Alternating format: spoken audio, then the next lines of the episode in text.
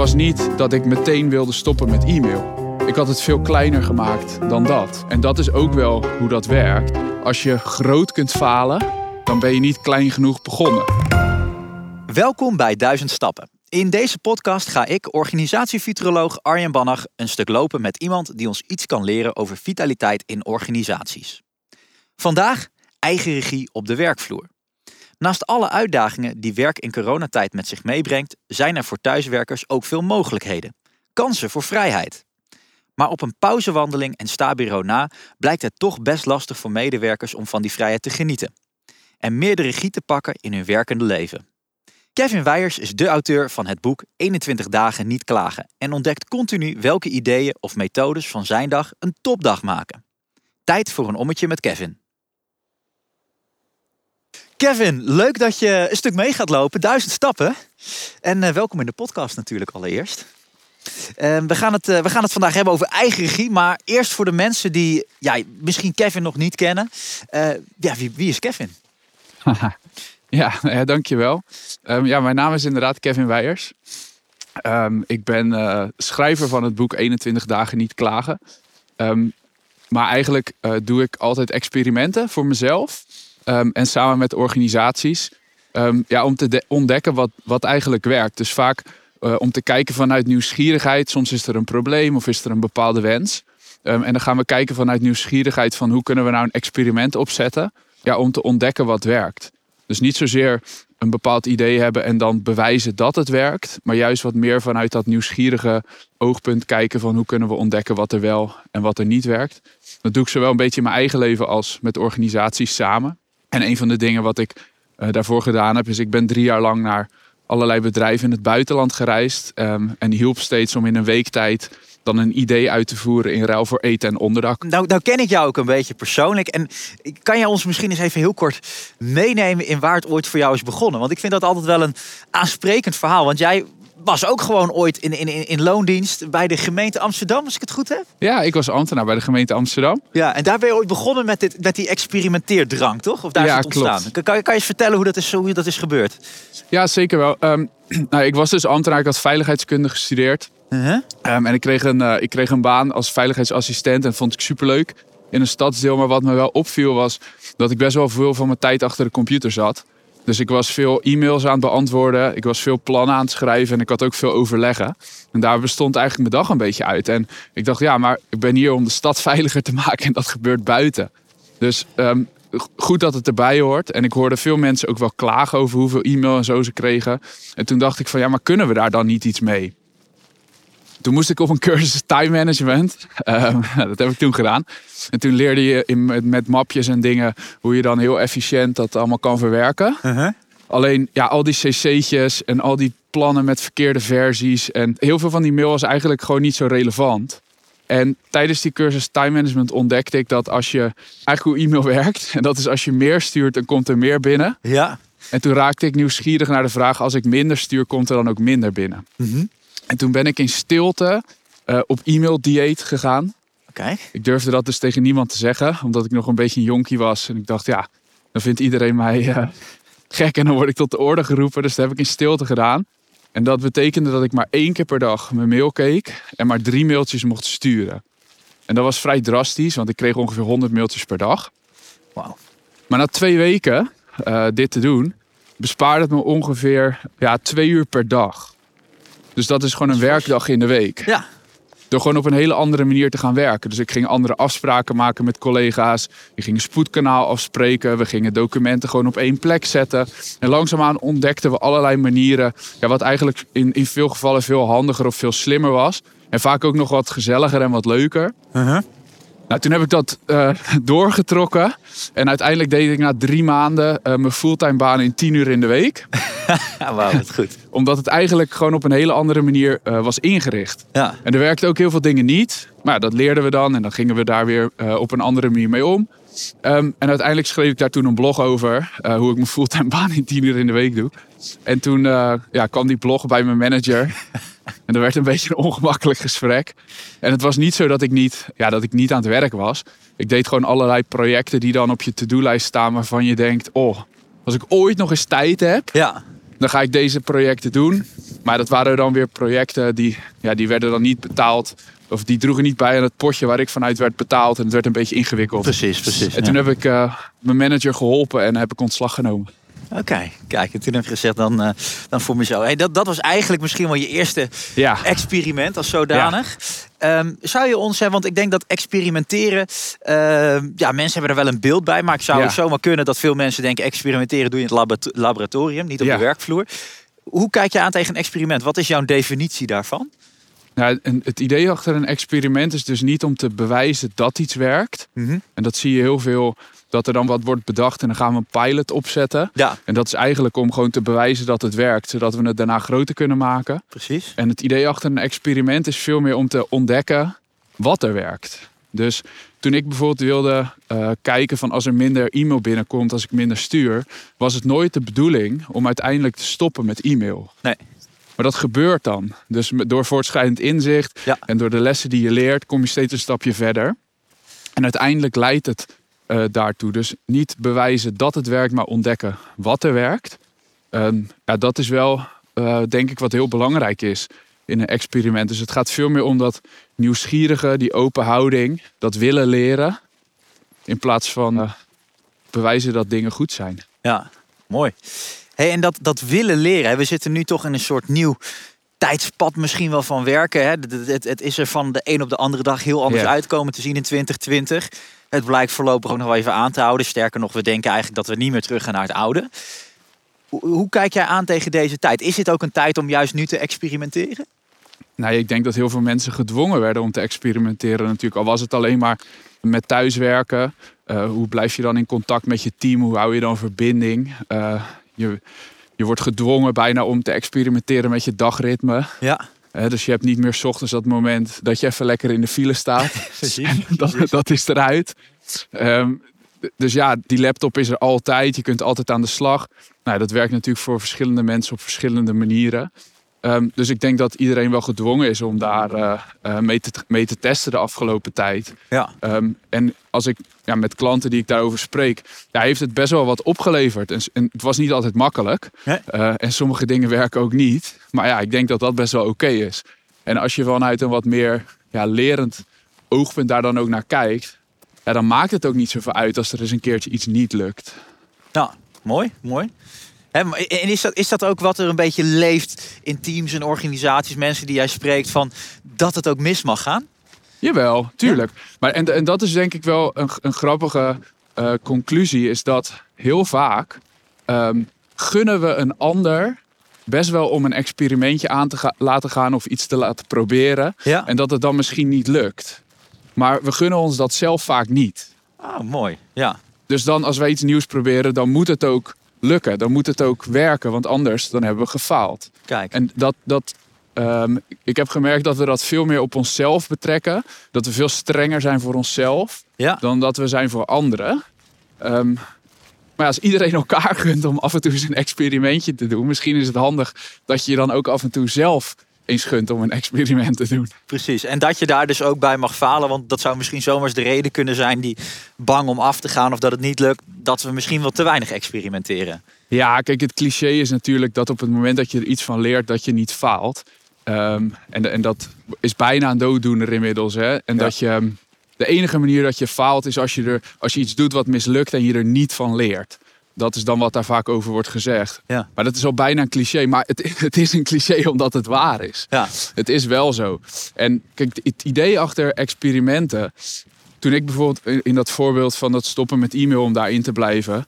Het was niet dat ik meteen wilde stoppen met e-mail. Ik had het veel kleiner gemaakt dan dat. Ja. En dat is ook wel hoe dat werkt. Is als je groot kunt falen, dan ben je niet klein genoeg begonnen. Kijk, dat is een mooie voor op een tegeltje. Ja, ja, dat is zeker een mooi voor op een tegeltje. Maar wat vaak dan de kritiek is, als ik probeer, of vaak wat wel eens de kritiek is, als ik met mensen iets wat kleiner probeer te maken, is dat je dan krijgt, ja, maar dat is ook niet ambitieus.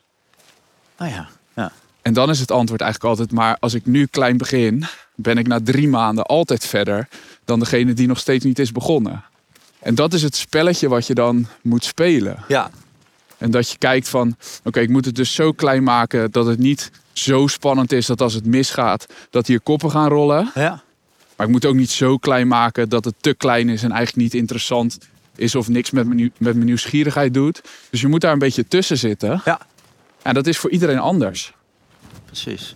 Mooi. Hey, als, als, als we nou kijken naar eh, de fase waar we nu in zitten, dan zie ik om me heen, en dat zal je ongetwijfeld erkennen, dat we bij veel mensen op dit moment toch wel iets is. Uh, gebeurd met het werkmoraal zo in 2021? Het is, we hebben toch een tikje gekregen, we willen graag vooruit kijken. Het lukt niet echt in dit nieuwe jaar. We moeten nog op afstand blijven werken. Hoe kan je dan toch nog een beetje dat vuur vinden, die energie vinden, om die verwonderende bril, die jij eigenlijk misschien toch wel van nature een beetje hebt, om die op te zetten? En eens te kijken, hoe, wat werkt nou eigenlijk? Nou, ik heb er wel over nagedacht. En ik, ik heb het idee dat we soms denken dat de toekomst iets te voorspelbaar is. En nu zijn we er gewoon heel erg met onze neus op de feiten gedrukt dat dat dus niet zo is. Hm. En wat, wat dan veel beter werkt, of ja, wat ik probeer toe te passen, is wat meer uh, aan korte termijn planning te doen. Ja. Dus dat je wel een bepaalde richting hebt waar je naartoe wil. Maar dat je dan bijvoorbeeld voor jezelf bepaalt van... maar wat ga ik dan de komende drie maanden... of wat ga ik dan de komende zes maanden doen... Uh-huh. om een aantal stappen in die richting te zetten. Ja. En dat je dus wat meer gaat van... in plaats van dat je hele plannen maakt... en die dan vervolgens gaat implementeren... Ja. dat je veel meer gaat naar Waar ben ik nieuwsgierig naar? Wat kan ik dan testen? Dus dat je iets gaat doen en dat je daar vervolgens op reflecteert. En dan met wat je geleerd hebt. Wij zijn veel beter in reflecteren op iets wat we hebben gedaan. Ja. Dan in voorspellen wat er gaat gebeuren als we iets zouden gaan doen. Precies, ja. Dus dan ga je veel meer van dat uh, plannen, plannen maken en implementeren naar testen en daarvan leren. En ik denk dat dat veel beter past. Zeker in de tijd van nu, waarin alles dus continu verandert en dat elke keer een wortel wordt voorgehouden van, nou de maatregelen gaan er nu echt vanaf. De bekende En dan valt het weer tegen. Ja, en dan als je daar heel erg aan vasthoudt, ja, als je er dan elke keer, uh, als dat dan weer gebeurt, ja, dan kom je in een dip. Ja. Maar als je dat misschien iets meer loslaat, denk ik dat het ook wat makkelijker is om daarmee om te gaan. Ah, interessant. En heb, je, heb jij daar misschien ook een voorbeeld van iets waarvan jij zegt van, nou, daar zou je bijvoorbeeld in deze tijd eens naar kunnen kijken? Je noemt net bijvoorbeeld al e-mail. Is er, is er nog iets anders? Ja, ik denk dat vooral de vraag gewoon belangrijk is om jezelf eens af te vragen van, maar waar ben ik eigenlijk zelf nieuwsgierig naar? En dat kan te maken hebben met je werk, maar dat kan ook te maken hebben um, met, met iets daarbuiten. Dus ik merkte aan mezelf, ik zit nu midden in een nieuw boekenproject. En dat komt wel goed uit in deze coronatijd. Uh -huh. Maar ik veel thuis. En dan kom je op een gegeven moment ook een beetje in een bepaald, ja, een bepaalde sleur, een bepaald ritme. Dus toen dacht ik van nou, hoe kunnen we dat, dat eens doorbreken? Nou, wij wonen dicht bij het strand. Ja. Um, en toen hebben we bedacht om elke ochtend om 8 uur vijf minuten in de zee te gaan liggen. Gewoon eens om te zien wat dat doet. 21 dagen lang. Op een vast moment. Gewoon eruit. Niet nadenken. En dat gewoon eens doen. En ja.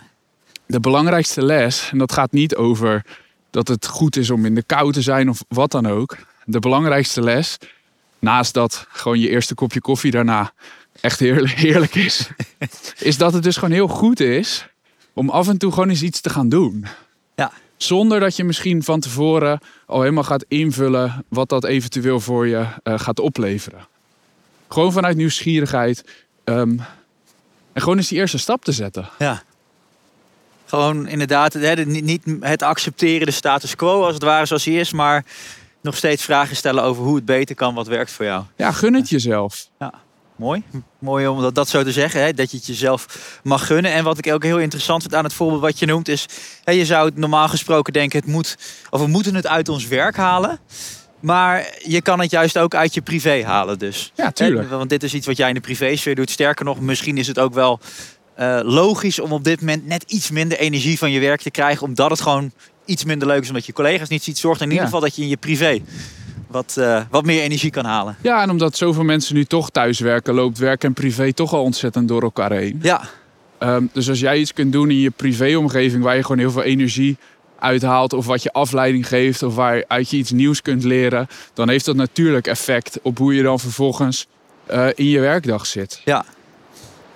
Interessant. Hey, en um, nou ben jij natuurlijk meester in dit soort, in dit soort nieuwe dingen opzetten. eh, als iemand bij jou komt en zegt van, nou, ik voel ook wel dat ik iets anders wil. Ehm, ik, ik zou wel eens willen gaan experimenteren. Wat zijn dan voor jou eigenlijk vereist of een beetje belangrijke dingen waar je rekening mee moet houden als je wil dat zo'n experiment kan slagen? Nou, de eerste vraag is dus waar ben je nieuwsgierig naar? Ja. En daar- daarbij vraag ik vaak wat zou je doen als je zeker wist dat het mis zou gaan mislukken? Oké, een interessante vraag. Ja. Dus als je zeker weet dat het fout gaat of dat het niet zou gaan lukken, wat zou je dan alsnog doen? Ja, Want als je eh, datgene wat je, waar, wat je dan antwoordt, dat is iets wat je echt heel tof vindt en waar je echt heel nieuwsgierig naar bent. ja, Dus dan zou ik dat eens gaan doen. Nou, ik hou vaak die 21 dagen aan. Dat is niet zozeer hè, omdat dat nou eh, wetenschappelijk bewezen is dat het 21 dagen duurt voordat je een gedragsverandering hebt. Maar meer, ja, het is gewoon ook lekker praktisch. Je doet iets drie weken. Het is voor een bepaalde tijd. Eh, je weet ook wanneer het klaar is. En wanneer je eventueel weer terug kan gaan naar normaal als het niks is. ja. Dus meestal dat, van wat kunnen we dan doen eh, in, in die drie weken of in die 21 dagen. En de derde, en dat heb ik eigenlijk geleerd met het stoppen met e-mail. En dat was niet bewust, was ver- vertel het dan aan niemand. Vaak als je iets nieuws wil doen, dan gaan we voordat we zijn begonnen, gaan we dat al met de hele wereld. En Ja. iedereen die dat niet wil horen, gaan we dat al delen Ja, ik zou zeggen, draai dat eens om. Ik deed mijn e-maildieet in stilte, puur omdat ik bang was wat mijn collega's ervan zouden vinden. Dus dat was een klein beetje uit angst. ja, Maar dat bleek heel waardevol te zijn. Want toen ik het ging delen wat het voor me deed, kreeg ik heel veel jamaren. ja. Nou, als je het nog niet gedaan hebt en je krijgt jamaren, dan moet je wat gaan verzinnen. Uh-huh. En als je het al wel hebt gedaan en je krijgt jamaren, dan kun je zeggen, ja, dat snap ik dat je dat zegt. Alleen ik heb dit gedaan en toen gebeurde er dit. Ja, Dus dan maak je het voor jezelf ook veel makkelijker om met die weerstand eventueel om te gaan. oké. Mooi. Dus niet te veel, hè, want het kan zomaar eens op weerstand stuiten bij je omgeving. Ja, En, en, en, en even één of twee eh, metgezellen. Is dat, is, kan dat niet slim zijn om toch Ja, ook even zeker. dat, dat toch wel een beetje support te hebben aan de iedereen, zijlijn? heeft, iedereen heeft wel twee of drie leuke collega's. Ja. Ja, betrek vooral, eh, betrek vooral die erbij. Oké, zoek Hè, die dan op. stel, stel dat eens voor van joh, ik ben van plan om dit te gaan doen. Dat, dat, tuurlijk, dat kan. Je hoeft het ook niet helemaal eh, in, in isolement te doen. Maar vaak is het zo dat mensen groots gaan aankondigen wat ze allemaal wel niet van plan zijn. Ja, En dan kunnen ze na drie dagen niet, eh, ja, niet opleven tegen de verwachtingen die ze hebben opgewekt. ja, En dan, eh, ja, dan wordt het allemaal wat ingewikkelder. precies. Dus ik zou vooral zeggen, nou, start wat klein, gun het jezelf. Vraag je af waar je nieuwsgierig naar bent. Ja. En, en, en begin eens gewoon. En wat nou als je als leidinggevend, als manager op dit moment voelt in deze periode... en er, er kan ook meer, er moet wat meer geëxperimenteerd worden. Hoe zou je dat nou kunnen stimuleren bij je medewerkers? Ja, daarvoor geldt eigenlijk dan, zou ik zeggen, hetzelfde. Dat wa- wat heel vaak gebeurt, is dat dat dan in teamoverleggen wordt, wordt medegedeeld. Als een van de agendapunten. Uh-huh. Van eh, ik vind het belangrijk dat er nieuwe experimenten worden gedaan. Ja, Maar dat experimenteren is toch een dingetje. En of het nou gaat wat meer om de vaardigheden of wat meer om bijvoorbeeld dat het toch ook eng is om dat te gaan doen. Ehm, de- ik, ik begon niet voor niks eh, in, in stilte. Denk ik dat het als, als leidinggevende heel goed werkt. En, en daar hebben we allerlei voorbeelden van. Dat je dan ook eens gewoon een aantal mensen binnen je team uitkiest. ja, Waarvan je zegt, volgens mij hebben deze mensen eh, een nieuwsgierige houding. Of zouden zij wel eens een keertje wat willen proberen. En om dan eens gewoon één op één met hun daar het gesprek over aan te gaan. En dan te vragen van, hé, hey, en wat kan ik dan doen om jou daarbij te helpen? mooi. Oké, dus het, je zou kunnen zeggen, er zijn van nature toch wel mensen bij wie dit net iets meer in hun aard zit. Ja, En eh, ja, dus geef die mensen nou eens het podium of de mogelijkheid.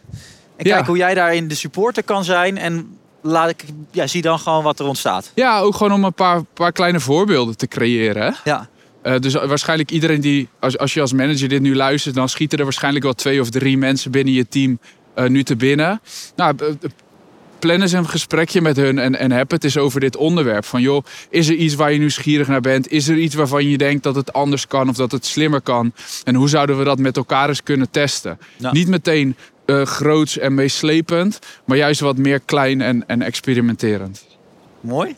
Hey, we zijn ondertussen bij, eh, denk ik al zo rond de duizend stappen aangekomen bij zee. Er is nog één klein puntje wat ik er toch even uit wil lichten. En dat is ook wat ik in het intro heb genoemd. Jouw boek, Ja. 21 dagen niet klagen. En dat is natuurlijk ook iets wat ja, makkelijker is gemaakt in deze tijd. Door ja, waar we nu in zitten met elkaar. Dat noodgedwongen experiment, zoals jij dat ook noemde. Ja. Het wordt makkelijker om te klagen. Maar ja, dat gaat ons misschien niet verder helpen. Nou, het grootste ding nu met klagen is. Kijk, het klagen gaat niet over dat je uh, alles maar voor je moet houden en dat alles leuk is. Klagen gaat meer over uh, negatieve feedback geven op een situatie. Dat is de definitie. Zonder de intentie die te willen veranderen. Dus het hmm. gaat er wat meer om van wat, als je dan kritisch bent, wat heel goed is. En je ziet iets, wat doe je daar dan vervolgens mee? Um, Kom je dan, neem je dan al je collega's mee in jouw ellende? Uh, of, of kijk je dan van hè, wat, wat, wat, kunnen we daarmee? En het dingetje nu is dat als iedereen thuis zit, is ja, degene die er het meeste last van heeft als jij zit te klagen, ja, dat ben je zelf. Ja. Dus misschien is de motivatie om nu iets minder te klagen en te kijken van wat er wel kan, wel groter dan ooit. Ja. want jij bent degene die er het meeste last van hebt, of je partner. Dat, dat, dat, natuurlijk ook. Maar daar wordt de sfeer ook niet, ook niet leuker van. Nee. En de, de essentie van die challenge is wat meer van dat je gaat herkennen van waar kan ik wel wat mee en wat is nou eenmaal zoals het is. Precies. En dat je dat accepteert en dat je de energie die je hebt, wat, wat je net zegt, bij sommige mensen op dit moment iets lager is. Maar dat je dan in ieder geval die energie die je hebt, besteedt en gebruikt aan de dingen waar je het aan wil besteden. Precies, dus dat is een mooie voor de luisteraars om die in ieder geval mee te nemen. Op het moment dat je weer klaagt en niet gezegd dat de luisteraars dat doen, maar stel je je verzand in zo'n moment. Probeer dat dan te herkennen en constructief in plaats van destructieve gedachten erover te hebben. Ja, zeker. ja. Mooi. Allerlaatste tip nog voor de luisteraars om, om los te gaan, om anders te kijken, die verwonde bril op te zetten. Nou, mocht je nou dat die niet klagen challenge willen doen, dus 21 dagen niet klagen, daar, daar hoort dan een bandje bij. Nou, je kan elk bandje omdoen wat je wil. Ja. En als je dan anderen daarin mee wil nemen, ehm, dan is het beste wat je kunt doen, is gewoon een bandje om je pols te doen, het tegen niemand te zeggen en dan te beginnen. Ja. Want dan gaan er mensen zijn in je omgeving die dan vragen van waarom heb jij zo'n bandje om? Uh-huh. En dan zeg je, oh dat is niks. En daar kunnen mensen niet tegen. Maar dan zeggen ze, nee, maar, wat, hè, maar wat, wat, is dat dan? Nou, dan kun je van dat momentum kun je gebruik zeggen van... oh joh, maar ik doe gewoon een experimentje en ik doe 21 dagen niet klagen. En hey joh, dat is allemaal niet zo, uh, is allemaal niet zo groot. En dan zul je tot je verrassing gaan zien... dat heel veel mensen dat dan toch wel interessant vinden... en daar dan bewust of onbewust toch in meegaan. Ja. En dan heb je je eerste momentum gecreëerd... En dan heb je je eerste groepje mensen om je heen ook al aan het experimenteren gekregen. En ik denk als we dat met elkaar allemaal een beetje doen, dat uh, nou, het wordt in ieder geval allemaal wel wat leuker. Want het is gewoon een wat leukere manier van werken dan ja, al dat geplande en al dat uh, plannen schrijven, e-mailen, vergaderen. Precies. Mooi. Ik denk dat dat een mooi einde is en dat, uh, dat de luisteraars zeker gemotiveerd worden om met iets aan de slag te gaan, wat dat dan ook mogen zijn. Kevin, mag ik je hartelijk danken voor je inspiratie. Ja, tuurlijk jongen. Dat waren de duizend stappen met Kevin Weijers. En hopelijk heb je nu een beter beeld van hoe aan de slag te gaan met experimenten en wat het voor jou als medewerker of als leidinggevende kan betekenen in je werk. Heb je met ons meegelopen? Complimenten. En wil je nou nog meer inspiratie? Ga dan naar www.zilverenkruis.nl/zakelijk.